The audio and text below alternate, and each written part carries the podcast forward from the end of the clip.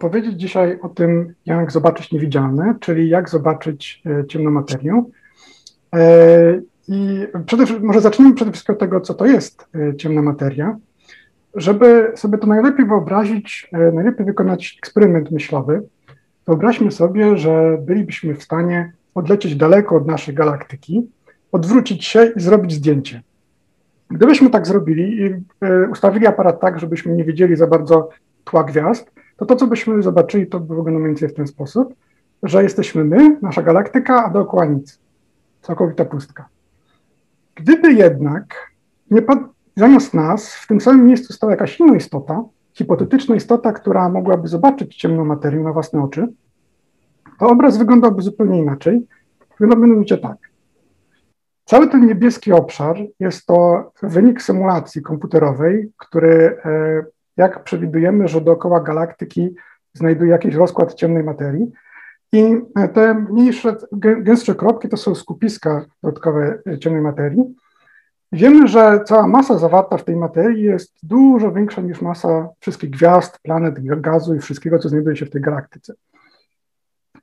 Także y, każda galaktyka jest zanurzona właśnie w takim ogromnym halo, y, dużo cięższym niż, niż sama galaktyka. To jest właśnie ta ciemna materia. Teraz, co wiemy o ciemnej materii? O ciemnej materii nie wiemy prawie nic. Y, nie wiemy, jeden, czy jest to jeden typ cząstek, czy wiele. Nie wiemy, jakie te cząstki mają masę, ładunki, jak oddziałują ze sobą. Nie wiemy, jak powstała ciemna materia, ani też nawet nie wiemy, w jaki sposób się łączy, jeżeli w jakikolwiek sposób z naszą materią dnia codziennego. Z drugiej strony jednak, również możemy powiedzieć, że o ciemnej materii wiemy już bardzo dużo. W szczególności, przede wszystkim wiemy, czym nie jest. Wiemy, że ciemna materia to nie jest żadna z cząstek, e, które e, zaobserwowaliśmy na Ziemi. Wiemy też, że najprawdopodobniej ma naturę cząstkową, tylko jest to jakaś jeszcze niepoznana cząstka, jedna albo wiele. Nie wiemy, jak powstała, ale wiemy, jak mogła powstać. Mamy wiele różnych pomysłów, e, bardzo, bardzo konkretnych. Oraz wiemy, że ciemna materia miała niesłychane znaczenie w historii wszechświata. Gdyby nie istnienie ciemnej materii, to nie byłoby do dzisiaj żadnych galaktyk, ani planet, ani gwiazd.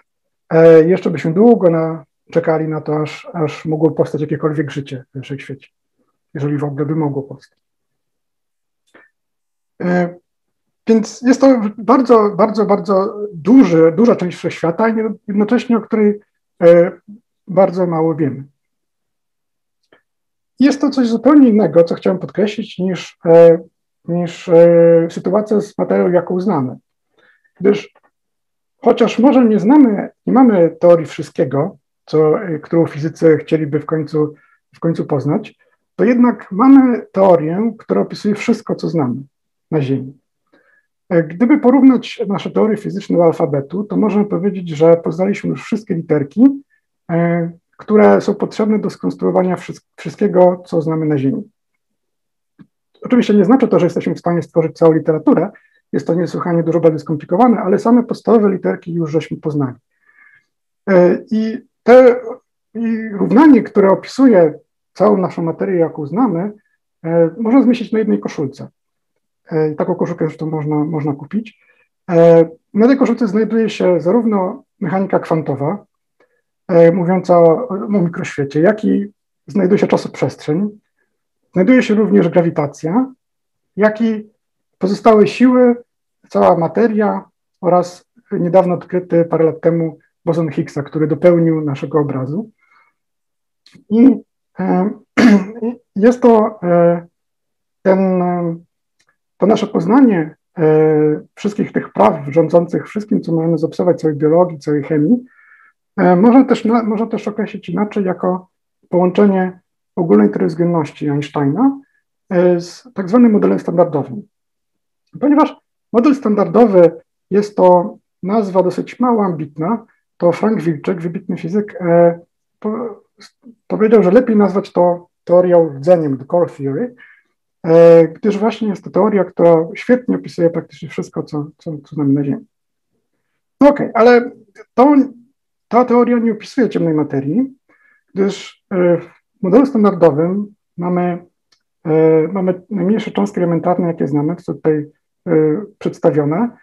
znamy sześć kwarków, sześć leptonów, cztery bozony, które odpowiadają za oddziaływania i właśnie w 2012 roku odkryliśmy ostatni fragment, czyli bozon Higgsa.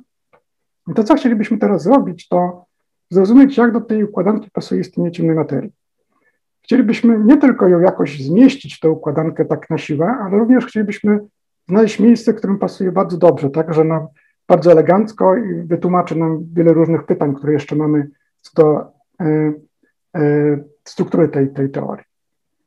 Żeby jednak cokolwiek powiedzieć o ciemnej materii w ten sposób, potrzebujemy poznać trochę jej więcej własności niż tylko te, które znamy do tej pory. W szczególności wszystkie własności, jakie znamy, aktualnie są oparte na oddziaływaniu grawitacyjnym. E, żeby zaś poznać inne oddziaływania, potrzebujemy ciemną materię znaleźć bardziej bezpośrednio. Są trzy takie główne metody poszukiwań, e, wszystkie e, bardzo rozwinięte i wielu ludzi nad nimi pracuje. Pierwsza grupa to są, tak, to są bezpośrednie, druga pośrednie, trzecie nazywam twórczo. Metoda bezpośrednia pomiaru ciemnej materii polega między innymi na tym, że lecąca w przestrzeni kosmicznej cząstka ciemnej materii może trafić w Ziemię i uderzyć w jakiś atom, nadać mu trochę energii kinetycznej, ten atom potem będzie wzbudzony, będziemy mogli, mieli szansę to wzbudzenie zmierzyć. Tak więc tworzy się detektory, które są zbudowane na przykład z bardzo e, idealnych kryształów i bada się wzbudzenie sieci krystalicznych i czeka się na, na, na taki, takie zjawisko e, pochodzące z ciemnej materii. Pośrednio polega na tym, że dwie cząstki e, w kosmosie ciemnej materii mogą się spotkać i anihilować, czyli zostać unicestwione, a w ich miejsce podawać inne cząstki, które my już możemy zobaczyć, jak na przykład światło, i zaobserwować w naszych teleskopach. A twórczo, to w takich eksperymentach, jak na przykład Wielki Zderzecz Hadronów e, w Genewie, e, możemy zderzyć dwie cząstki, które my znamy i wyprodukować cząstkę ciemnej materii, która też będzie powiązana z jakimś sygnałem, który możemy zaobserwować. E, dzisiaj chciałbym się skupić tutaj na, na, na tym aspekcie, na aspekcie pośrednim, e, w szczególności na jednej jego części. Więc jakie są różne możliwe typy sygnałów pośrednich?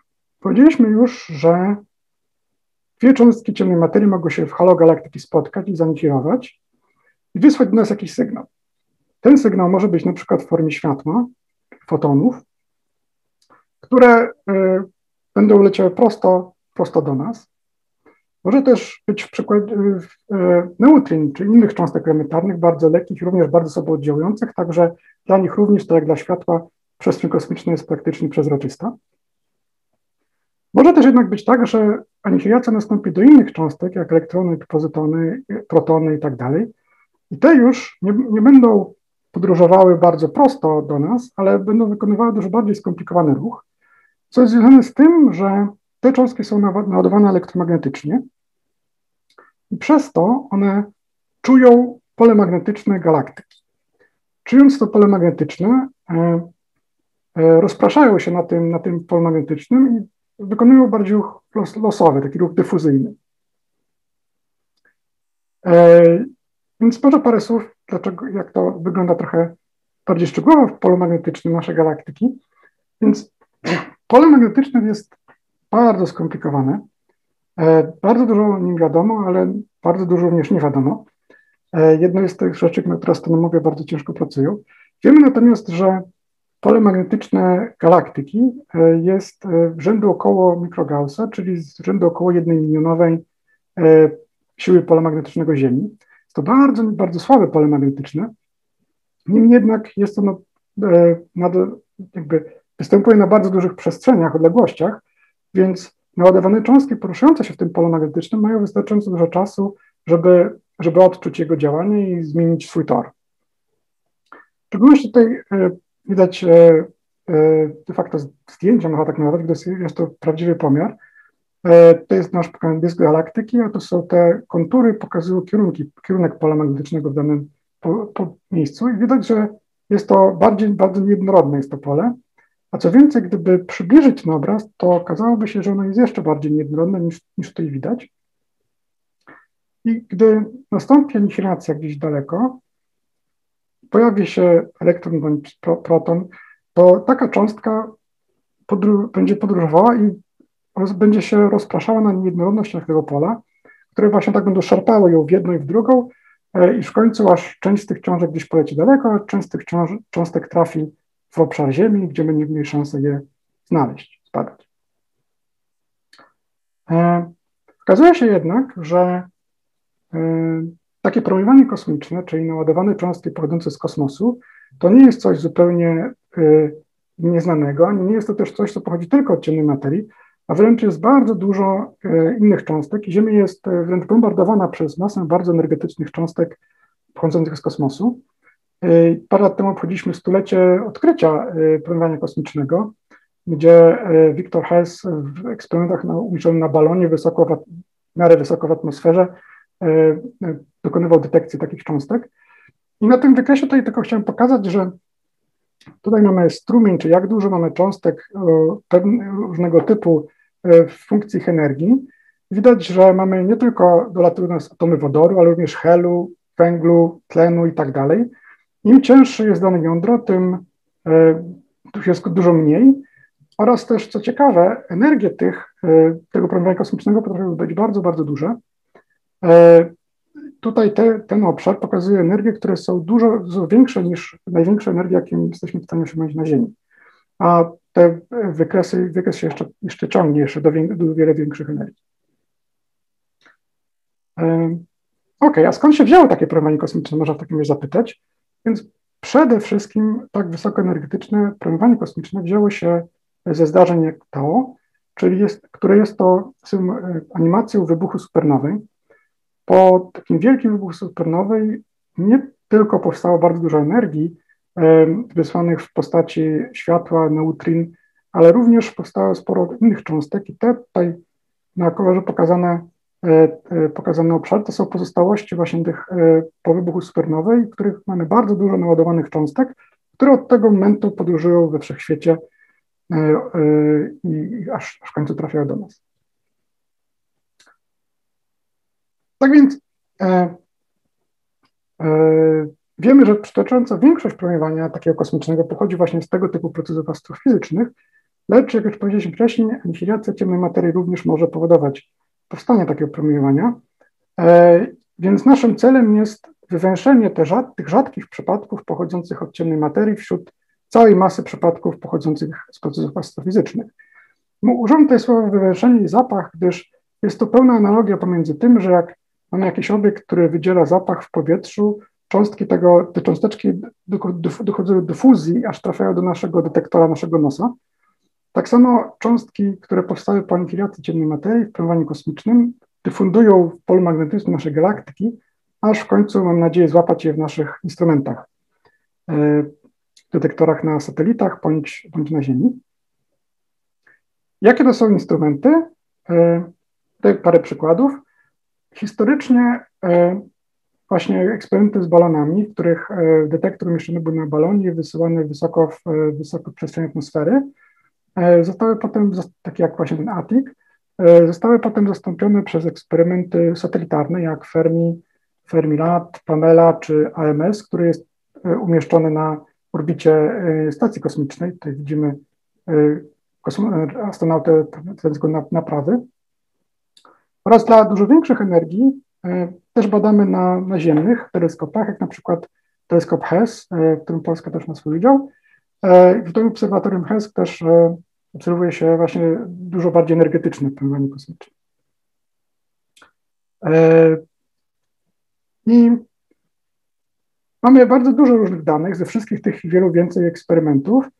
I to, co teraz robią fizycy E, teoretycy to jest, patrzą na te dane i starają się wydobyć informacje a propos, wydobyć ten właśnie bardzo, bardzo słaby sygnał pochodzący od ciemnej materii. Większość danych, jakie mamy, bardzo dobrze zgadza się z, e, z, tym, czego się spodziewamy z obserwacji, z czysto astrofizycznych procesów. Niemniej jednak od czasu do czasu pojawiały się pewne anomalie. I przykład, tutaj chciałbym trochę powiedzieć parę słów o takim przykładzie jednym anomalii, czyli takim niespodziewanym wyniku, który czeka na, na jeszcze na wyjaśnienie, to jest e, pomiar ilości pozytonów e, w promieniowaniu kosmicznym, a w szczególności stosunku liczby, tutaj pokazuję wykres stosunku liczby pozytonów do sumy elektronów i pozytonów. E, I te kropki tutaj razem z niepewnościami pomiarowymi to są, e, to są pomiar, rzeczywiste pomiary wykonane przez tutaj przy mniejszych energiach starsze eksperymenty, a przy większych energiach przez właśnie satelitę Pamela, e, która już de facto skończyła, skończyła operowanie przez ciągle działającego satelitę Fermilat oraz przez właśnie znajdującą na stacji kosmicznej AMS-02. I tutaj taka, taka ciekawostka, że można zobaczyć, że Fermi, który jest e, niesłychanie, jest fantastycznym instrumentem naukowym, ma dużo większe błędy pomiarowe niż na przykład AMS, który tutaj ma niesłychanie małe, co jest związane z tym, że aby odróżnić, żeby taki wykres wykonać, należy odróżnić elektrony od pozytonów, które różnią się tylko, które odróżnią się w ten sposób w tego typu detektorze, że ponieważ mają odwrotny ładunek elektromagnetyczny, to w polu magnetycznym jedno skręca w lewo, a drugie skręca w prawo. Natomiast Fermi na swoim, e, swoim instrumencie nie ma żadnego pola magnetycznego, e, bo został skonstruowany w innym celu.